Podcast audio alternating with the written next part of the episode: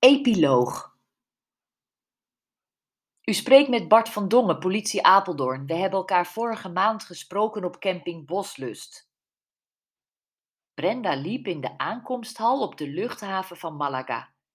Vanmiddag wachten negen vrouwen op haar in het luxe retraite-resort aan het strand van Marbella. Ze had net haar telefoon weer aangezet toen hij zoomde. Bart van Dongen? Ze moest even schakelen in haar herinnering. Toen bleef ze staan. Ze herkende zijn stem. Het was de jonge agent die bij het toiletgebouw op Boslust de wacht had gehouden. Ik weet het weer. Wat ging Bart van Dongen zeggen? Ik zou u graag nog eens spreken. Kunt u nog een keer op het bureau langskomen? Ik ben over twee weken weer in Nederland. Mag ik vragen waar het over gaat? Brenda's hart ging sneller kloppen.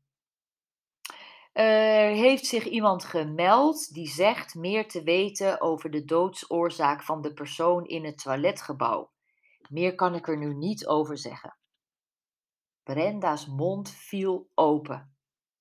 Ze maakte een afspraak met Bart van Dongen en wist niet hoe snel ze Jules moest bellen.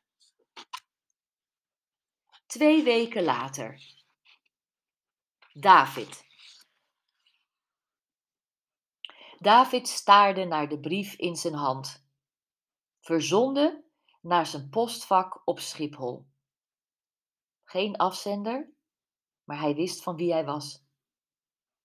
Toen zijn zomerverlof erop zat, was David blij dat hij weer kon gaan vliegen. Deze zomer was de rotste zomer van zijn leven geweest. Miranda en hij zaten ronduit in een impasse. Ze zeiden alleen het hoognodige tegen elkaar en geen van tweeën durfde te beginnen over wat er op Boslust was gebeurd. Het was te pijnlijk en de consequenties waren te groot. Het lukte niet om Miranda aan te raken. Zij wilde het niet en hij kon het niet. Dat had niet alleen te maken met het feit dat Tom met zijn vingers aan Miranda had gezeten.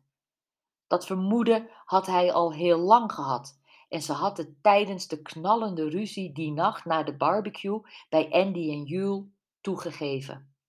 Het was gebeurd, het was lang geleden en het was afgelopen.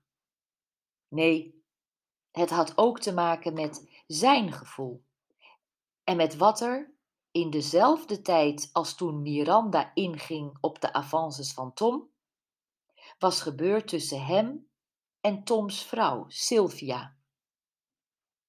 Guilty feet have got no rhythm.